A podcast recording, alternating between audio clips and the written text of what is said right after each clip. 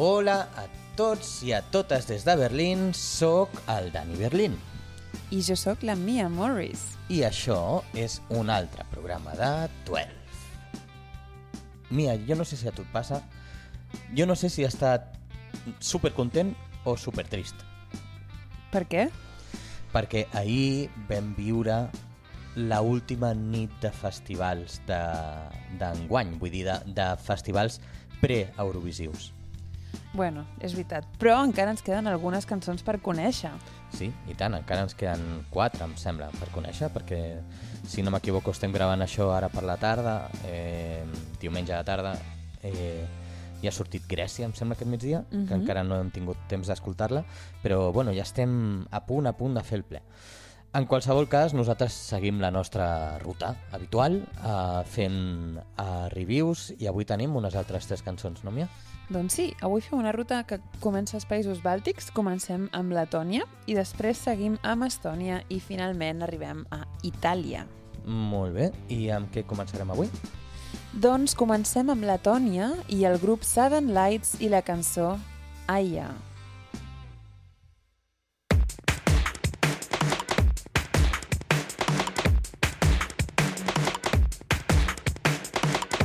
You said some words, didn't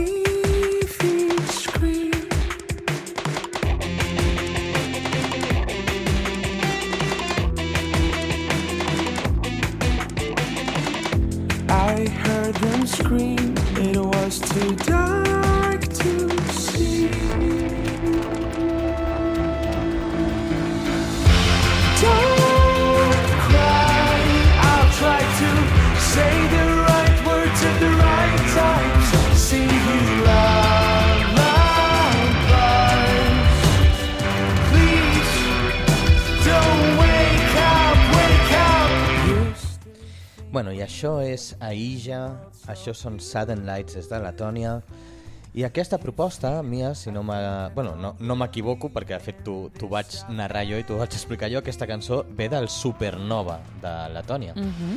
que és un altre d'aquells festivals de la fatídica nit de veure set o vuit festivals alhora, en la que el meu cervell va estar a punt de... de Rebentar. Mm, Rebentar, sí. De, sí. Uh, de fet, em sembla que totes les cançons que fem avui són d'aquella nit, eh, perquè uh, recordo estar veient a Estònia i Itàlia alhora. Uh, Amb la diferència de que Itàlia acabava tan tard que ja donava la sensació que era un altre dia Sí, sí, quan sí. arribaves a, a la I final. malauradament, perquè clar, aquesta nit uh, estava a Romania i hi havia altres, altres països per allà. Croàcia... Croàcia i Letònia va ser el país que vaig decidir no veure. Vaja. Just, just. Eh, però bueno, he, he, he fet una mica d'indagacions, eh, hi havia 14 propostes, de les quals van arribar 10 en aquesta final del Supernova, eh, i els vots eren pues, 50% dels jurats, 50% del públic, i s'ho van portar Sudden Lights, o sigui, tampoc no hi ha massa més. Així com a, com a petit detall graciós, entre els participants estava un noi que es diu Marcus Riba, i no, no, no és català, eh, És el seu sobrenom, pseudònim, sí. perquè es diu Miquelis o alguna així, o sigui, res a veure. Eh, I es- s'estava presentant a la Supernova per vuitena vegada consecutiva. Des d'aquí, Marcus a la novena va la vençuda. Aviam si... Pobre home. Sí, l'any que Perquè ve... s'ha de dir que no ha guanyat mai. No, no, no ha guanyat mai. Ha quedat segon, em sembla, tres vegades, però no, no ha aconseguit guanyar.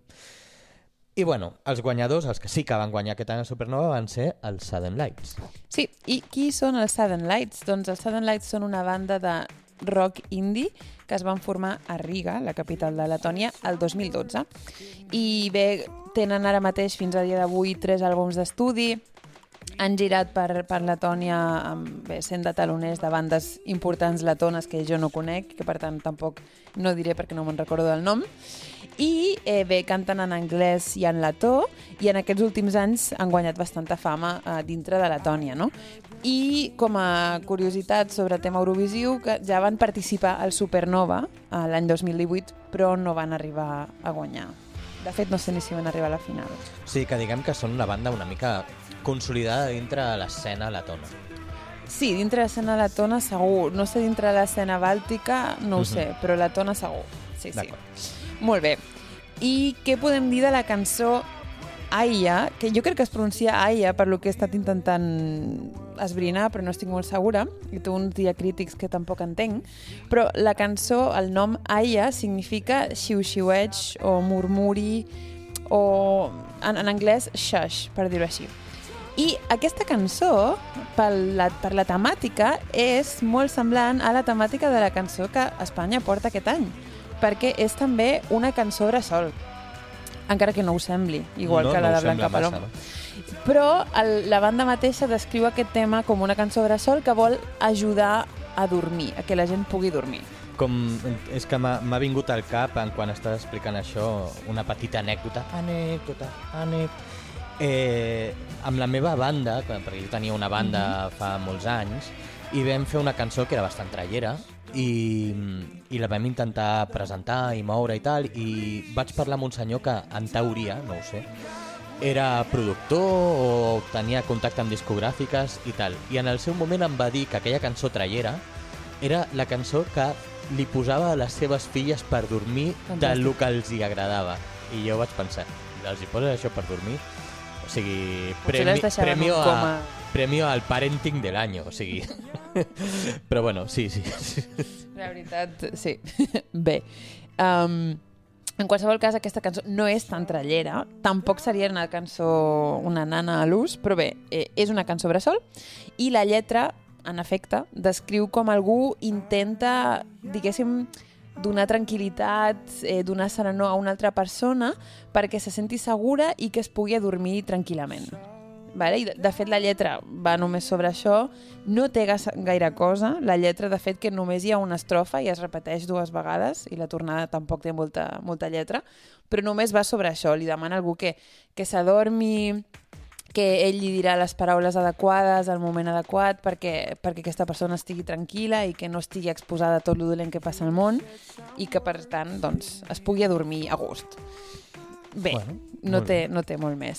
Musicalment, aviam, sí que va amb la direcció que tu dius. Eh, vull dir, té aquesta, aquesta d'això, com aquesta pàtina, sobretot al final, no? de que a poc a poc es va fent més tranquil i més tranquil. No?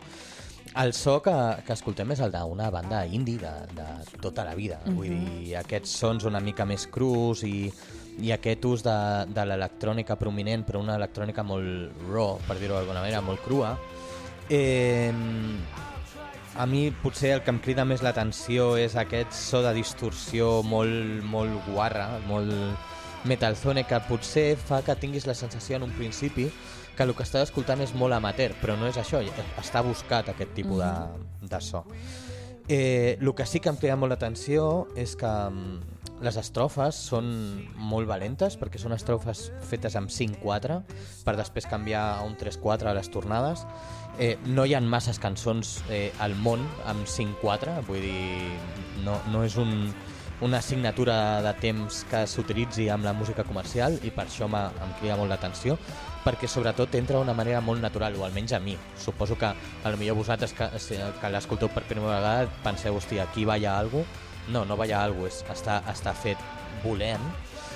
Eh, I després d'aquesta entrada amb un so molt cru, amb aquesta bateria electrònica, amb aquesta caixa de ritmes, s'obre amb unes tornades amb molt de teclats, molt espacials, molt aèries, amb molt de reverb, que li donen un, un ambient molt xulo fins que al final acaba amb aquest tros eh, acústic del final que pel meu gust dura massa. Vull dir, crec que hi ha un Mm. petit un petit decalaix en quant a, a l'estructura de la cançó, no? que no és una estructura comercial per res, no és una estructura estribillera. Ojo, obro parèntesis aquí. Uh -huh. Aquesta crítica que estic fent és respecte a el que jo penso que ha de ser una cançó per Eurovisió. Com a cançó, com a concepte, un 10. Com a cançó que tu escoltaries... Com a cançó que jo escoltaria, tot el concepte de la cançó i per què es fan les coses i com sona i per què acaba així i tal, tot molt bé. Clar, per Eurovisió no sé si, si això funcionarà. Aviam, esperem com a mínim que es classifiquin, no com l'any passat amb Citizen, i que també era una cançó que tu haguessis pogut escoltar no? per tu Sí, mateix, sí. però que després, en canvi, no va funcionar. Sí, bueno, perquè la broma no va entrar, ja La ho vam dir. En qualsevol cas, la posada en escena, si passem una mica per sobre de la posada en escena, eh, s'ha de dir que el directe que van fer al Supernova realment és molt senzill, no hi ha grans, eh, gran atrezzo ni grans props, només hi ha un tema d'il·luminació, juguen amb una mena de focus, que, que sí que té una llum bastant bonica i tal. Sí, una llum així com daurada, no? Sí, i és més aviat la la- l'actuació del grup, la interpretació, que sí que té bastanta força i tal, i són... Bé, enganxa, però no és res de tramont. No. Jo, a mi no m'agrada gens la jaqueta del cantant, perquè clar, amb aquest ambient tan daurat i tan groc, la jaqueta rosa, vermellosa que porta és com, uf, aquí hi ha alguna que està fora de lloc. Però bueno, és a- el meu gust. Eh, a part de l'actuació, també hem pogut veure el videoclip. El videoclip, eh, jo el primer que puc dir és que el tipus de, de film, diguem-ne, el tipus de Mhm. pel·lícula, no es veu massa professional. Vull dir, No? no Ostres, a mi o m'ho sigui, sembla. Uh, no es veu tan professional com, per exemple, després parlarem de Marco Mengoni, per exemple. Marco Mengoni té, té un tipus de, de pel·lícula, per dir-ho d'alguna manera, que dius, hòstia, això és superpro. Uh -huh. I no veus el mateix. Eh, Veus una cosa molt ben feta, però una mica més, una mica més de, de l'abast de, de gente mundana, Ah, saps? sí? Bueno, no m'he fixat tant amb això, amb el que sí que m'he fixat, diguéssim, és amb el, amb el videoclip en si, amb el contingut, i jo t'he de dir que m'agrada, però em pertorba. Eh, és així molt... Surt un munt de gent que sembla que estiguin com posseïts o que siguin mig zombis, amb uns moviments una mica estranys, tot amb un, amb un joc així cromàtic una mica estrany, tot és amb tons taronges i després amb tons blaus, i la gent es mou de manera molt rara. A mi personalment em recorda l'estil d'alguns videoclips de Pulp que, que, que m'agraden bastant, Sí, m'ho deies abans i jo et deia, ah, doncs a mi em recorda el videoclip de Black Hole Sun de Soundgarden. Però també és per, per lo mateix, per aquest tipus de, de situació com de desassosiego, no? De, Sí. hòstia, això és pertorbador i no sé per què. També, d'altra banda, s'ha de dir que és molt original. Sí, sí. No sé què portaran a Eurovisió la posada en escena, perquè el videoclip no té absolutament res a veure amb l'actuació en directe, i també he de dir que jo no trobo la connexió entre el videoclip i la lletra. I si allò t'ha de fer dormir, aquell videoclip, la veritat és que anem malament. Sí, la veritat és que sí. De fet, jo, jo quan, quan ara estàvem repassant, hem vist diverses vegades les actuacions i els videoclips i tal, jo et deia, és que jo crec que això va d'una malaltia mental o alguna cosa, perquè eh, tot em sembla... Hi ha un moment que ell baixa a, la, a una piscina, el cantant baixa Mm. mm. a una piscina buida, i, i està sol i de cop i volta hi ha com un com un d'això de, de llums i apareix un muntó de gent a dintre de la piscina amb ell movent-se de manera super rara i és com hosti, o, o ell s'ho està flipant tot o saps allò que mm, per això molt oníric molt... Mm. Bueno, potser va per aquí, per on Però bueno, i, i respecte a el que tu deies, i així eh, donant l'opinió ja general de la cançó, eh, jo crec que aquí precisament jo crec que és on estarà el, tot el tema. Vull dir, a mi la cançó m'agrada, Uh -huh. Mm, Estem d'acord, a mi aquesta, també. Aquesta és la base. I em va agradar des del principi, que jo recordo que quan va sortir, va sortir sense fer massa soroll. Suposo que també és una, és una banda indie, suposo que Mm. no, no... I és una banda jove, de, de nois molt joves, no, no tant com el Pies de, de l'any passat, No. però una mica perquè... Diguem que són de la, de la mateixa d'això que Eslovènia, que Joker Out. Uh -huh. Eh, però bueno, no van sortir amb, tant de, amb tanta força, ni molt menys. Eh, I el tema és que jo crec que dependran molt de la posada en directe. A, a, a mi em donen molt la sensació de que pot haver un efecte Black Mamba amb aquesta cançó. Vols dir que estiguin, que sigui una mica com el underdog i que quan arribin a la final, bé, a la semi realment la gent es volqui molt cap a ells? Sí, perquè jo crec que la cançó té tots els elements per cridar l'atenció. Jo crec que la tornada és memorable, jo crec que tal i com canta ell és molt efectiu, encara que no sigui espectacular, eh, i que si fan una bona posada en escena, si la posada en escena funciona, jo crec que la cançó pot anar cap a dalt, perquè no, té, té molta força la cançó. Jo no sé massa què pensar sobre quin paper farà Eurovisió, però sí que puc dir que a mi m'agrada molt i és una de les cançons que jo em posaria a Sí, sí. casa per escoltar. O sigui que bé, desitgem el millor als Southern Lights de Letònia. Molt bé, i ara què toca? Mia? Doncs ara anem no massa lluny, anem cap a Estònia, on la intèrpret Alika ens porta la cançó Bridges.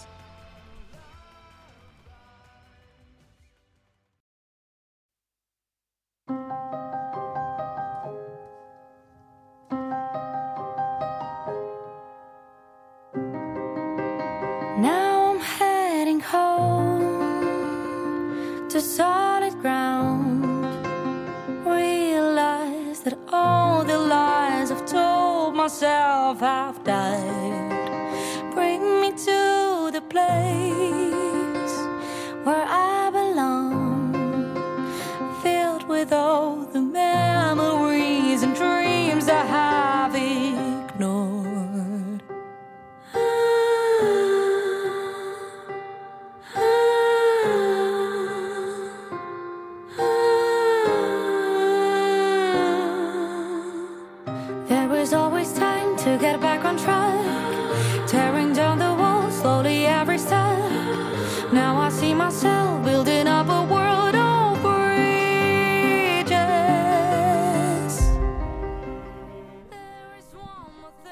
Molt bé, doncs ja hem escoltat una mica de la cançó Bridges d'Alika d'Estònia. I Dani Berlín, tu que has vist totes les seleccions nacionals gairebé d'aquest any, Sí, havia sí per haver, Sí. totes. què ens pots dir d'aquesta selecció nacional? Doncs aquesta cançó surt del Estilaul, que és el festival que es fa a Estònia. Amb aquesta final eh, teníem 12 cançons. Eh, entre el jurat i el públic es triaven les tres cançons que es convertien en una espècie de, semifinal, ai, de semifinalistes, de superfinalistes, eh, a les quals van arribar eh, la Lika i dues bandes de rock.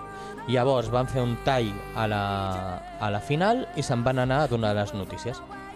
Mm, bé, bé, Llavors pràctic. van fer mitja hora de telenotícies, van tornar, van estirar una mica més el xiclet eh, i al final el públic, entre els tres finalistes, pues, li va donar el, el seu recolzament a la Lica amb un 42% dels vots. Haig de dir que les altres dues bandes de, que eren de rock eh, eren interessants. Eh, no recordo els noms. Una d'elles tirava molt cap a la part lordi, o sigui, maquillats com si fossin monstres. De fet, em sembla que la cançó que portaven es deia Monsters. I Mhm. l'altra era més metal, metal americà, per dir-ho d'alguna manera. A mi em recordava una mica a l'estil que podia portar Miles Kennedy, eh, que és així com una mica més soc un guaperes, encara que faci heavy. Vull dir, una mica aquest rotllo. Però bueno, la que va guanyar va ser la, la Alika. Qui és Alika? Mira. Doncs Alika és una cantant estònia, bé, com ja ens esperàvem, molt jove, té només 20 anys, però des de molt i molt petita ja ha començat a desenvolupar un carrerón, per dir-ho així, en concursos de, tale de talent, no? tipus talent shows. I mira, m'he fet una llista aquí dels concursos pels quals ha passat, que la majoria no els conec, però n'hi ha un que m'ha cridat especialment l'atenció. Ha passat pel The Baltic Boys, es veu que és un The Voice, però per tots els països bàltics, cosa que em sembla bastant divertit. Economitzar. Economitzar, ex- exacte. El New Wave Junior, que m'imagino que és... Això, això no tindrà a a veure amb el New Wave, que era el festival aquest que es feia a Rússia o als països satèl·lits russos? Pot ser perquè al final Estònia, a més aquesta noia viu a una ciutat, crec Narva, o no me'n recordo com es diu, que està és la frontera amb Rússia. És Vull un dir, festival que, que Espanya també participa, bueno, o participava, perquè ara amb el rotllo amb Rússia no sé com estaran les coses, però que era com un festival alternatiu a Eurovisió organitzat per Rússia, era una cosa molt, una mica rara. Doncs potser tenen una versió júnior i potser és on es va presentar també Alika. Mhm. Després es va presentar un altre festival amb un nom així molt bàltic, Kaunas Talent, Mhm. que tampoc sé de què va, Bravo Song Contest, que no sé de què va, i un que m'ha cridat molt l'atenció, que és el Berlina Perla, les perles de Berlín, traduït al català, que és un concurs per joves talents del pop, vale? és només de cançó pop, eh, per gent, bé, per joves entre 10 i 24 anys, i reuneix nens, nenes i adolescents de tot el món cada any. I he estat mirant la gent que... Bé, jo no ho coneixia, això passa a Berlín, o sigui, molt a prop nostre, i he estat una mica mirant la pàgina web i és molt divertit. Hòstia, quina llàstima. que no, es presenta. puc, no em puc presentar pel Canton Duro, eh? Bueno, sí, eh ho deixarem així. Bueno, si és fins a 24, només fas un petit retoc i ja hi entro. I, sí, sí, sí, clar, Gaire- és veritat. gairebé. Gairebé, gairebé. Bueno, eh, Però, espera, un moment, que n'hi ha un altre, que és el que l'ha fet famosa, sí. Perquè va amb, tots, guanyar... amb tots els altres no es va menjar un Home, corin. ja et dic jo que el Berliner Perle no el va guanyar, perquè jo he estat mirant els llistats de guanyadors i, I hi no havia surt. nens de, de Filipines, d'Israel, de Turquia, de Polònia, però Una no hi havia l'Àlica. Sí, sí, molt divertit, ho hem de mirar i té pinta de ser molt cutre, eh? Perfecte. Sí. I eh, el 2021 es va guanyar la vuitena edició d'un show televisiu a Estònia que es diu Estònia busca una superestrella. És, jo crec, similar a The Voice i coses així, i com que va guanyar, doncs això li va donar molta fama i també li va permetre signar amb Universal Music Group, encara que encara no ha tret cap, cap disc. Bueno, però ja té un contracte allà, eh? Sí, sí. Superbé. Bueno, i sobre la cançó, què podem dir? Bé, la cançó de la lletra en, en si mmm, no he trobat massa cosa. Aviam, la cançó parla, així en general, si te la llegeixes, bé, e- és en anglès, per tant eh, és fàcil de- d'entendre, i parla sobre trobar-se un mateix i sobre començar de nou. No? Parla una mica de que aquesta noia està intentant perdonar-se ella mateixa pels errors que ha comès en el passat, superar les pors que ha tingut en el passat i construir molts ponts que li, li ajudin a convertir-se en una versió millor d'ella mateixa i superar tots els obstacles. Per això la cançó es diu Bridges, ponts, i ella diu que això, que, que, que aquesta cançó parla dels ponts que existeixen a la vida de cadascú i que aquests ponts consisteixen en records, experiències, eh, aprenentatges que hem tingut a través de, de solucionar problemes i de sentiments positius que ens ajuden a ser millor. Bé, no sé jo, el tema aquest dels ponts no m'acaba de... Jo, mira, i, i així enllaço amb la crítica musical, jo crec que és una lletra genèrica per a una cançó genèrica. M'explico, no, no vull menysprear ja d'entrada, eh? Home, encara, pues- que, enca, encara que ho sembli. eh, aviam, és una, és una balada molt clàssica. Uh, ella, per la seva manera de cantar i per tal i com està construïda la, la cançó, pot recordar Adele una mica. molt, Eh, moltíssim. No sí, puc sí. deixar de pensar que és Adele quan l'escolto. Però al mateix temps eh, no, no és una cançó que estigui massa inspirada per les rodes, o sigui, inspirada vull dir, no, no s'ha menjat massa el coco en quant a les voltes d'acords, sobretot de la tornada, o sigui, la, la, la baixada de la tornada, com jo dic, és la baixada del porrompompero. Eh, no, perquè són aquests, eh, són aquests acords, no, no em miris així de sorpresa. Eh, canteu el porrompompero molt lent a sobre de Bridges, sisplau, és, una, és un gran exercici. Eh, a part d'això, eh, sí que és veritat que els acords no està, no està massa, massa pensat, els arreglos de piano i d'orquestació tampoc no són res de l'altre món, però la veu se- s'ergueix com, com realment el, el pal de paller de la cançó, és la que realment ho, ho, ho fa tot aguantar, perquè si no, si no fos per la seva personalitat en la veu, la cançó es, es cauria per totes bandes. Eh, sobretot hi ha un moment que jo crec que és el més maco de la cançó, que és quan arriba al pont, que ja trenca una mica, estriba una mica, veus una mica més el color de veu, que no és el típic color de veu de noia que ha sortit d'un talent, sinó veus que té una mica més de personalitat i dius, ui, mira, aquí potser hi ha alguna cosa. Però és veritat que només és un moment. Eh, Després la cançó torna pels seus derroteros i, i ja està. Potser l'explicació d'això ho trobem amb els autors de la cançó. Que, els Que autors no són Penyuc i Sueca. que no són Penyuc i Sueca, però són eh, vells coneguts de l'escena de l'escena eurovisiva, eh, perquè són els que van composar la cançó de Tot l'univers del 2021 de Suïssa i Arcade de, o de Països Baixos de 2019. Es que van són juntar... temons, també. A veure, a mi Sí, Arcade sí. no m'agrada molt, però a les dues eren temazos i van quedar molt bé, de fet. Sí, sí, sí. sí. Bueno, van guanyar una d'elles. Sí, sí, no dic que no, però bueno, que al final, recordant aquestes dues cançons, veus aquesta, vull dir, una cançó molt basada en el piano i molt intimista, que al final acaba explotant amb aquest rotllo orquestal i no sé què, però que però en aquest cas jo crec que només em surt en anglès falls short. O sigui, per mi es queda, es queda curta. Es queda curta. Bé, i per mi la cançó es queda curta i la posada en escena es queda curta igualment, de manera proporcional, per dir-ho així. La posada en escena és... Jo quan l'he vist m'ha semblat molt classicona.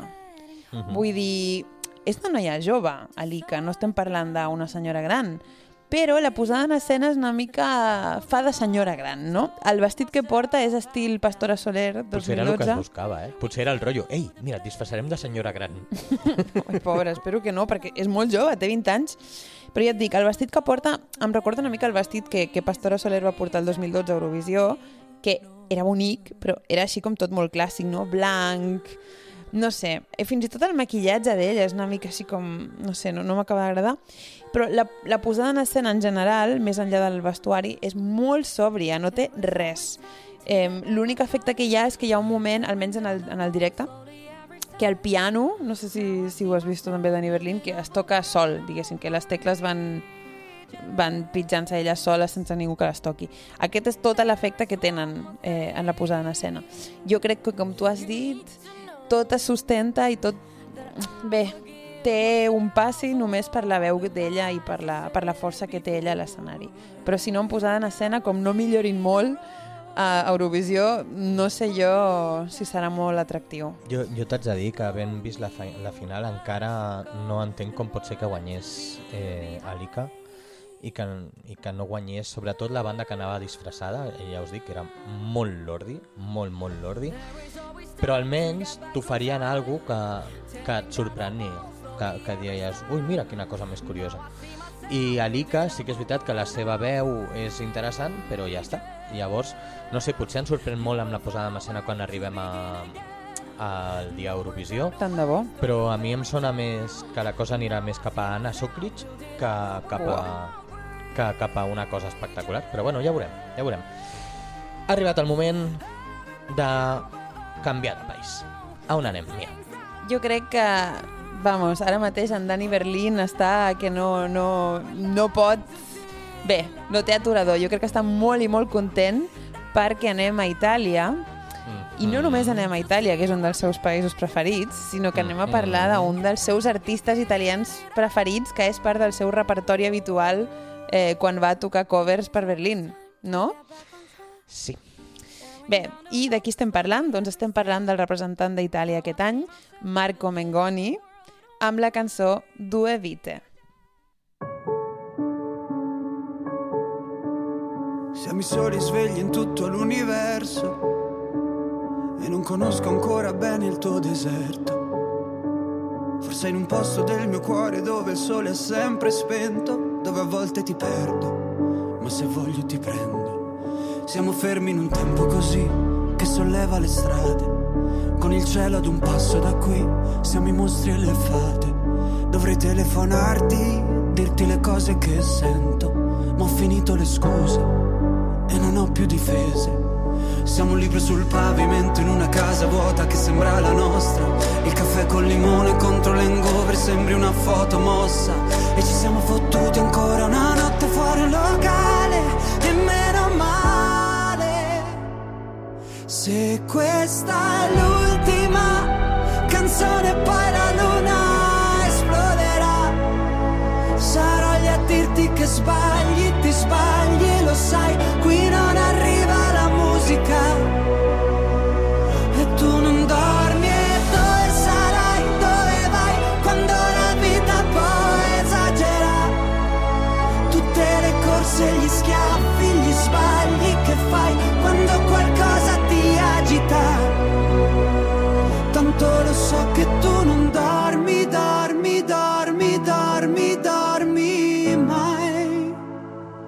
Che giri fanno due vite. Siamo i soli svegli in tutto l'universo. A gridare un po' di rabbia sopra un tetto. Marco Mengoni, Mia, Marco Mengoni. El teu enamorat. Sí. Estic molt content, estic molt content. Aviam, tots sabeu de la nostra italofília. Sempre, cada any que hem fet aquest programa, hem demostrat que d'una manera o una altra anàvem amb Itàlia. I aquest any, almenys jo, no seré menys. No sé la mia què em pensa, però jo estic, estic completament vendido. Sí, aviam, deixaré les meves opinions pel final, però jo sempre vaig amb Itàlia. Això sí, jo no aconsegueixo mai veure el Sanremo sencer. No, no sé tu. Això, això, aviam, hem de pensar que això és, és impossible.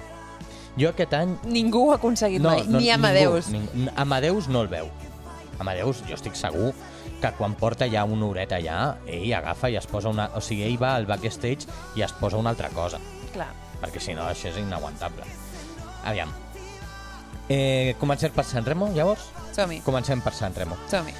Eh, com sempre, el Festival de Sant Remo és una setmana, em sembla que comença un dimarts, llavors és dimarts, dimecres, dijous, divendres, dissabte. I dissabte sabem el finalista. Durant tota la setmana es van acumulant puntuacions, el dimarts i el dimecres eh, actuen, no sé si són 28 artistes, eh, artist, eh, actuen 14 a la primera nit de dimarts, 14 a la segona, llavors a la tercera nit fan la nit del, de, del convidat, no, em sembla que el dijous és que tornen a fer la cançó una altra vegada, Eh, I llavors el divendres fan la nit del convidat, que fan una cover, i el dissabte tornen a, a actuar tots amb totes les cançons. Això és, és inaguantable, ¿vale? és una tortura. És, és una tortura. És, és terrible. Encara que, i ara ho anirem repassant, aquest, jo crec que aquest any ens ha deixat moments estel·lars. Eh, hem descobert aquesta, aquest any, jo crec que hi ha hagut més nivell que, que l'any anterior, eh, i hem conegut mm, artistes com el que està començant a sonar de fons, eh, Colapeixe Martino, eh, Els havies de col·locar aquí, no? Oh, por supuesto. Era de la... O sigui, jo volia que guanyés Marco Mengoni, però internament pensava però ojalà guanyi Colapeixe Martino. La dissonància cognitiva al teu sí, sí, cap. sí, sí, o sigui, no sé era, com- era molt xungo. Eh, Colapeixe Martino van estar molt bé, vam descobrir altres artistes com Último, un noi amb una veu greu molt Molt interessant, eh, una noia que es diu Madame, que seria com una espècie de de Alice Wonder que ha passat per un Erasmus molt llarg a Berlín i ha mamat molta música electrònica eh, un senyor que es deia Lazza que era com una espècie de, de hooligan o de no sé com com noi com es diu això? Eh, noi fatal eh, en- enfant terrible Enfant terrible. Enfant terrible de, um, italià, en aquest cas, una, tenia aquesta pinta almenys. Eh, I van haver moments molt especials, vull dir, per mi, Podem, podem parlar del moment més especial, sisplau. Que és el moment eh, Blanco, sisplau. Oh, clar, hosti, no me'n recordava aquest moment Blanco.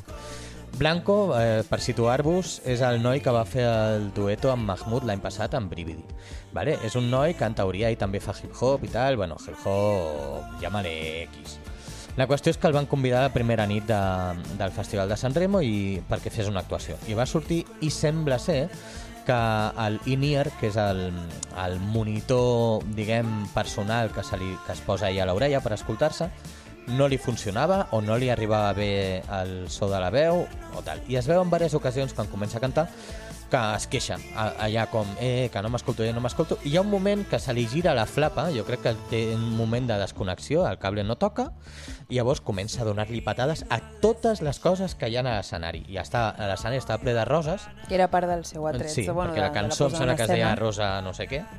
Eh, bueno, i comença a destrossar-ho. Hi ha un moment en, en la seva enajenació que intenta també tombar un guitarra, o sigui, agafa... Que el, el pobre és de plan, el gui- però Ojo, jo que què a mi em fet? flipava perquè estaven els músics Tocant. tocant... Bueno, fingint fe- que tocant, que tocaven. No, no ho sé, segurament fingint, però no perden la compostura i segueixen amb la cara de que bien estoy aquí. O sigui, quan, quan un, un nen, un, un nen imberbe, eh, està allà intentant pagar-te, que jo, jo Davant de estaria tota pensant... Itàlia. Clar, davant de tot... Em sembla que aquella mateixa nit estava el president de, de la República. Fantàstic, O sigui, fantàstic. Blanco, Bien. diste en ell. Molt bé. Bé, però també tenim molts moments realment positius, no, Dani Sí, Berlín? sí, sí. Per mi, el moment més màgic de tot el festival va ser la interpretació del Let It Be uh, per part de Marco Mengoni. Va Estem d'acord. Va anar amb un, amb un cor gospel i la veritat és que és una interpretació màgica. Jo no donava ni un duro per, la, per aquesta cover. Jo quan vaig veure Marco Mengoni, què farà? Ah, Let It Be. Let It Be? Jo pensava, veritat? que avorrit. de veritat, mira que hi ha coses per fer que fer un, un clàssic dels Beatles. Ojo, sense res en contra, eh, que jo sóc un fanàtic dels Beatles. Però quan el vaig veure vaig dir, no, no, o sigui, eh, increïble. Un altre moment bastant guai és eh, el Último va convidar a Eros Ramazzotti Sí, sí, sí, ho vaig per veure. fer, per fer un medley de cançons d'Eros Ramazzotti. I Eros Ramazzotti es va oblidar de la seva pròpia sí, sí, lletra. espectacular. O sigui, Eros Però s'ho Ramazzotti... pren amb humor, eh? Sí, home, clar, tampoc no li queda un altre. Vull dir, acaba de fer... Bueno, jo crec que està per sobre de fer el ridícul de Ramazzotti des de fa molt de temps. Vull dir, ell fa el que vol, perquè és Eros. Ell fa d'Eros. Ja està. Bueno, um, al marge d'això, Eh, efectivament, la final, el dia de la final, jo ho vaig compaginar veient tota la resta de, de finals d'aquell dia i va ser l'única manera que això fos eh, empassable perquè clar, quan no hi havia cançó jo em posava a veure qualsevol de les altres d'això o sigui, diguem que per mi San Remo tenia prioritat a l'hora de veure què passava i llavors quan no hi havia cançó m'anava a veure què passava a qualsevol de les altres pues ja, ja fos eh, Estònia o Croàcia o el que estigués en aquell moment fent alguna cosa. I així ho vaig aconseguir passar. Però clar, va haver un moment, com que dura tant, que es van acabar totes Home, que- jo vaig sortir aquell dia Sí, por vas- ahí amb amigues meves, vaig Sí, sortir, sí. vaig arribar i encara no havien cantat ni la meitat de gent de San Remo. De, I de fet, llavors ens vam connectar eh, i vam estar mirant-la junts, eh, perquè jo, jo estava a Barcelona quan, quan d'això, quan vam veure aquesta final, i, i ens va donar temps de quedar-nos fins a les 2 del matí que em sembla que tu havies tornat a, a les 11 i mitja, 12, estaves, estaves a casa i ens vam quedar fins les dues, però és que a les dues, que dius, ah, bueno, hosti, les dues, no, a les dues van escollir el top 5, És, és terrible. i quan tenen el top 5, el top 5 torna a actuar les 5 cançons una altra vegada perquè la gent esculli entre les cançons del top 5. Però aviam, aquest, Dios aquest mío, feedback que estem donant nosaltres, algú, amb tots els anys que porta San Remo, algú el deu haver donat. no Suposo pot que ser que sí. l'organització no sàpiga que això és impossible. I més que és un festival que passa també entre setmana. La gent Sí, sí. treballa els dies següents, excepte la final. Jo l'única explicació que li puc trobar amb això és que, i a més, els italians amb això ens superen, els espanyols, vull dir, que ells ho vegin com això és la nostra tradició, així és com nosaltres ho fem i així és com ho seguirem fent. És l'única explicació que li trobo, perquè si no, no ho entenc. O sigui, un festival que comença a les 9 de la nit i acaba a les 2 i mitja, Vull dir, qui pot, qui en su sano juicio aguanta 5 hores i mitja davant de la tele? És que no, no té sentit. És veritat que 28 cançons van, van, van posar a la final. És que això és part del problema. Clar, és part del problema. Potser podrien fer una mica de límpia abans d'arribar a la final. Bueno, no ho sé.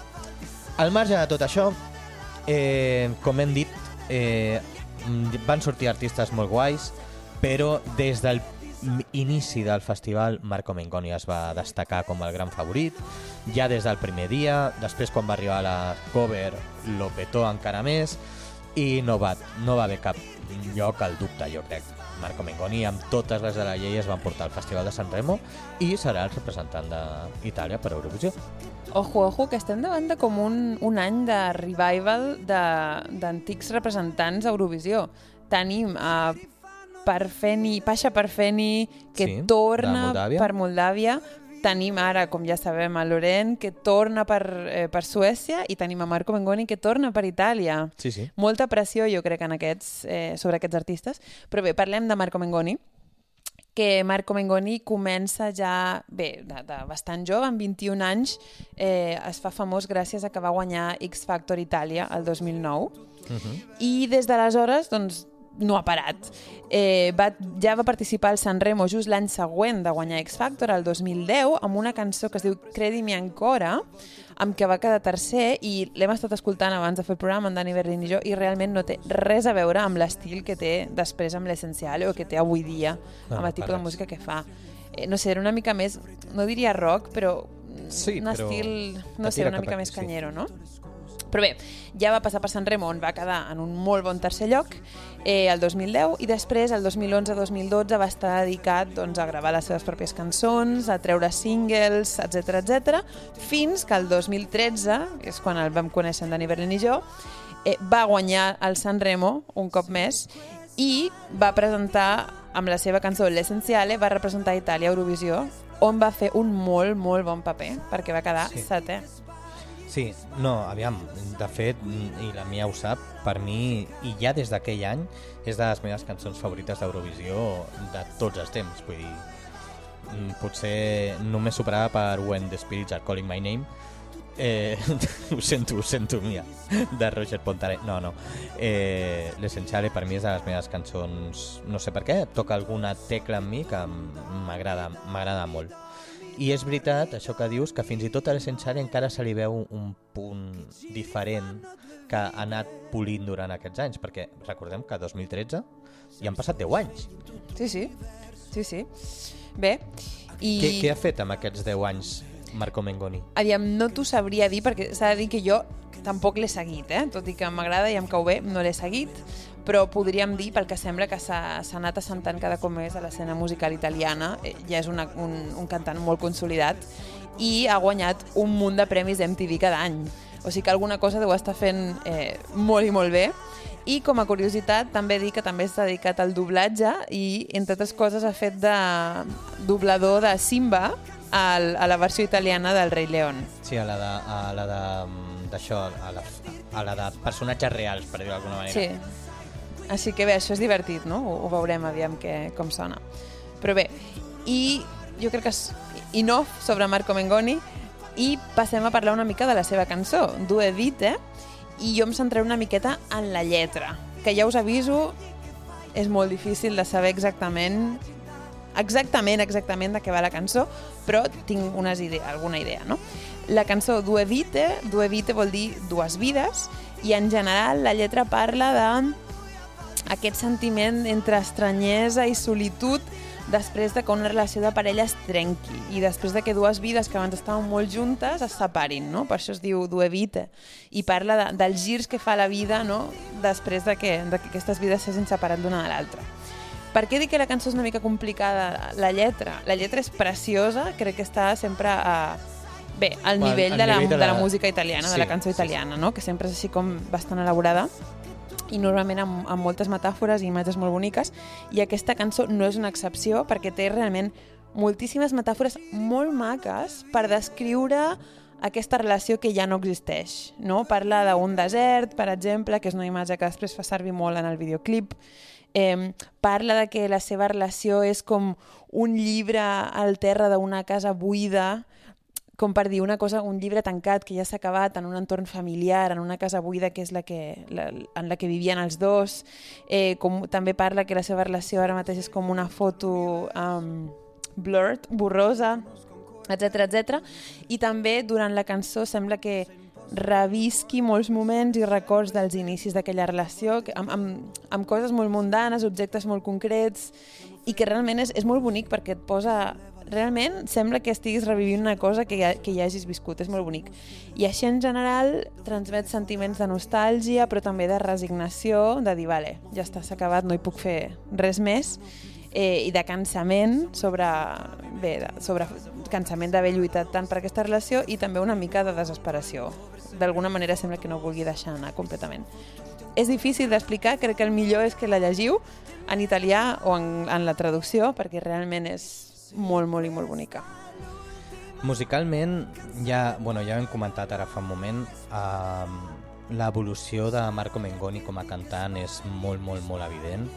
Vull dir, si el que es veu al 2010, quan comença les seves primeres passes, diguem, de cara al gran públic, és un personatge que li posa molta ànima a la seva, interpreta a la seva interpretació, vull dir, hi ha moltes coses d'actitud a l'hora de cantar, moltes deixades que no tenen tant a veure amb, amb afinar, sinó amb, amb donar-li una mica de sentiment a el que posa, i fins i tot sentiments una mica xulescos o eh, que s'acosten molt a, amb aquest rotllo de soc una rockstar, que això encara es veu a l'Essenziale, perquè fins i tot si heu vist l'actuació de l'Essenziale a, a, San Re, a, perdó, a San Remo, a, a Eurovisió, fa unes cares i fa uns gestos així com una mica com, eh, què passa, estoy aquí que de fet eh, ell ja tenia aquest personatge jo vaig veure alguna actuació d'aquell any que va fer el Village de el Village d'Eurovisió i, i portava aquest rotllo tota l'estona de soc un, soc un supercantant, què passa? I aquest personatge sembla que s'hagi anat diluint i, i, i ara és un cantant professional, per dir-ho d'alguna manera. No necessita ja anar de xulo. No, jo crec que, que ha perfeccionat i ara és, diguem, el cantant italià a l'ús, amb aquesta veu que quan puja trenca eh, d'aquesta manera tan característica de la música italiana, i, i, però sense perdre l'essència potser que ja tenia d'aquesta presència de veu que ja tenia el 2013. La cançó en si, jo crec que és una cançó que està molt ben feta, vull dir, de dalt a baix, està molt ben feta, molt ben construïda, és com hauria d'haver sigut la cançó de Blas Cantó. És a dir, Mm. tu fas una cançó, vols que guanyi força, no cal que pugi a fer un mega agut per fer-ho, només cal que juguis una mica amb les intensitats de la, de la música. Si li vols donar més ritme perquè creus que se t'està quedant lenta, ho fas amb, amb elegància, perquè hi ha un moment a la segona estrofa, l'estrofa del mig, diguem-ne, que el bombo va al doble velocitat i no et sembla que la cosa s'estigui impostant, et sembla que entra tot d'una manera molt natural. De fet, fins i tot dius, hòstia, vull més d'això, però després baixa i se senta una altra vegada. Jo trobo que, que ha estat tot molt ben fet. Si tinc un però al respecte d'això, i ja veurem com, com anirà, és que la cançó, com totes les cançons de San Remo, dura 3 minuts i mig. I això vol dir que de cara a Eurovisió s'haurà de cortar 30 segons, hauran de tallar d'algun lloc. I això ja vam veure, a mi l'any passat el resultat amb Brividi no em va agradar gens, perquè jo crec que li treia molt de momentum, vull dir, quan sortien de la coda aquella que en principi tornava a entrar la tornada i tal i qual, eh, el que van optar és per tragar-se l'última tornada directament amb Brividi, eh, i per mi feia que, que fos, com se sol dir també amb, amb, amb llatí, un coitus interruptus, vull dir allò que, hòstia, ara és quan, i no, i em fa por de que passi el mateix aquest any. Vull dir, jo crec que s'ho haurien de mirar si el, si al final San Remo ha de ser l'antesala d'Eurovisió. Jo entenc que ells estan molt, molt orgullosos del seu festival i que volen que segueixi sent exactament com ells volen que sigui, però al mateix temps també crec que no preparar les coses perquè després no s'hagin de, de... És que no, no vull dir modificar, és que vull dir fins i tot pervertir, perquè al final l'essència de la cançó la tens aquí i el que portaràs a l'Eurovisió ho hauràs de retocar per encabir-ho i, i amb, aquesta, amb aquesta traducció pots perdre i és l'únic però que, la trobo, que li trobo musicalment Bé, ja ho veurem. Jo també tinc dubtes sobre la posada en escena, perquè si ens hem de guiar pel que vam veure a San Remo, era una posada en escena definitivament menys clàssica que l'essencial, eh? perquè si recordem l'essencial era ell amb un tratge blue navy que, bueno, sí, sí. en fi... Eh, I posant cares. I posant cares, i amb un pentinat així com molt repentinat. Sí. I ara l'escena, la posada en escena, ell, almenys en l'estètica, és una mica més senzill. Eh, almenys va portar diferents outfits a San Remo, però tots ells anaven a ser una estètica una mica 90, anys 90 una mica, eh, però bastant senzilla però en general, més enllà del seu outfit, a l'escenari no hi ha res, realment. És ell sol i ja està, ni tan sols hi ha gairebé joc de llums ni res. O sigui, és una posada en escena realment molt i molt sòbria, on ell és el centre i el focus de tot. Per tant, bé, si hem de jutjar per això i això ha de guiar com anirà a Eurovisió, jo crec que, bé, serà una posada en escena més aviat que brillarà per la seva absència, cosa que no és dolent, perquè ell té tanta força com per omplir l'escenari ell sol. Però bé, només vull dir que si va cap aquí és una mica simple. Si va en direcció a Anna Soklic, l'hem cagat. Uh -huh. Si va en direcció Bàrbara Pravi... Ja, però la, la cançó de Bàrbara Pravi donava per fer una mica de joc... De, te amb... de teatralització sí, del tema. I aquí, i aquí no tant. Llavors, no sé. I en el videoclip, en canvi, eh, desenvolupa la idea aquesta del desert, no? de, de què parla en la cançó, i tot passa en un desert i és tot en blanc i negre i tal. Clar, no crec que portin un desert a Eurovisió a Liverpool, no sé com anirà la cosa. Només dir que és, bueno, en algunes de les actuacions de San Remo porta com una samarreta metàl·lica bastant xula que pot ser que l'acabi portant perquè al final la seva cançó fa referència també una a una, metàl·lica. a una malleta metàl·lica, una samarreta metàl·lica. Però bé, ja, ja ho veurem. I així en general, bé, Dani Berlin, tu què en penses?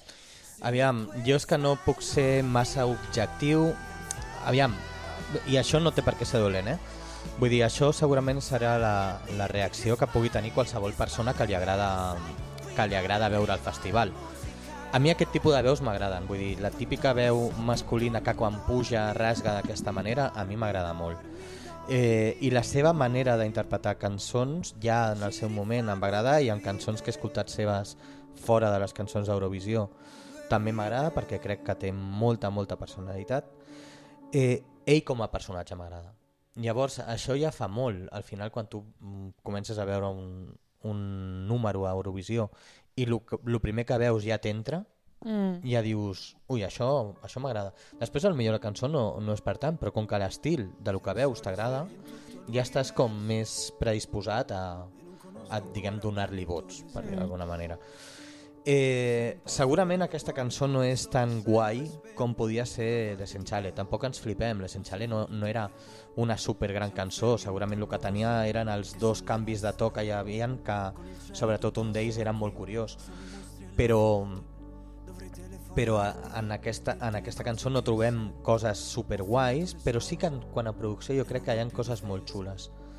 I, i amb la manera que té ell de ficar la lletra, sobretot el pont, que, que comença a, a parlar-ho molt ràpid, amb aquesta manera que sembla que s'ha posat molt de moda la música italiana, de gairebé que sigui rapejat, com, com fa Moneskin, per exemple, que, i això ho he vist ja moltes bandes últimament a, a Itàlia, que adopten aquest estil.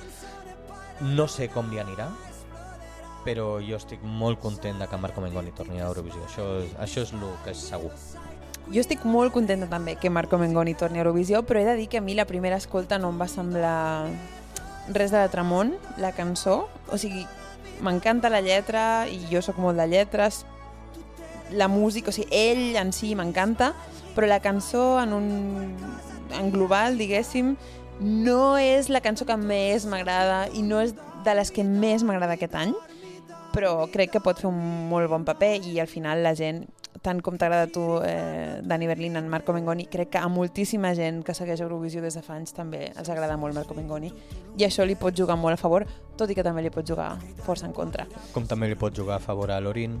Efectivament. Al final és el rotllo de ser un repetidor. Bé. Però bueno, fins aquí el programa d'avui. Esperem que us hagin agradat les cançons, eh, sobretot aquesta última, tant com a mi. Eh, I res, fins la setmana que ve que tornarem amb, amb més reviews de més cançons. No tenim cançó aquesta setmana de Berlin? No, no, no tenim cançó. Eh, eh, vaig intentar fer un refregit de l'Essenziale, però he pensat, mira, els hi recordo que l'any passat eh, vaig fer la cançó de Fai Rumore de Diodato, si voleu veure coses italianes, la vaig fer el programa d'Itàlia l'any anterior, i en el de l'anterior d'Itàlia vaig fer l'Essenciale de Marco Mengoni. Mare meva, és que portem tantes temporades ja que clar, perdem... Clar, clar. Bé, en qualsevol cas ens veiem eh, ben aviat amb unes altres cançons per, per criticar i analitzar i fins aleshores, adeu. Adeu, que vagi bé. Lo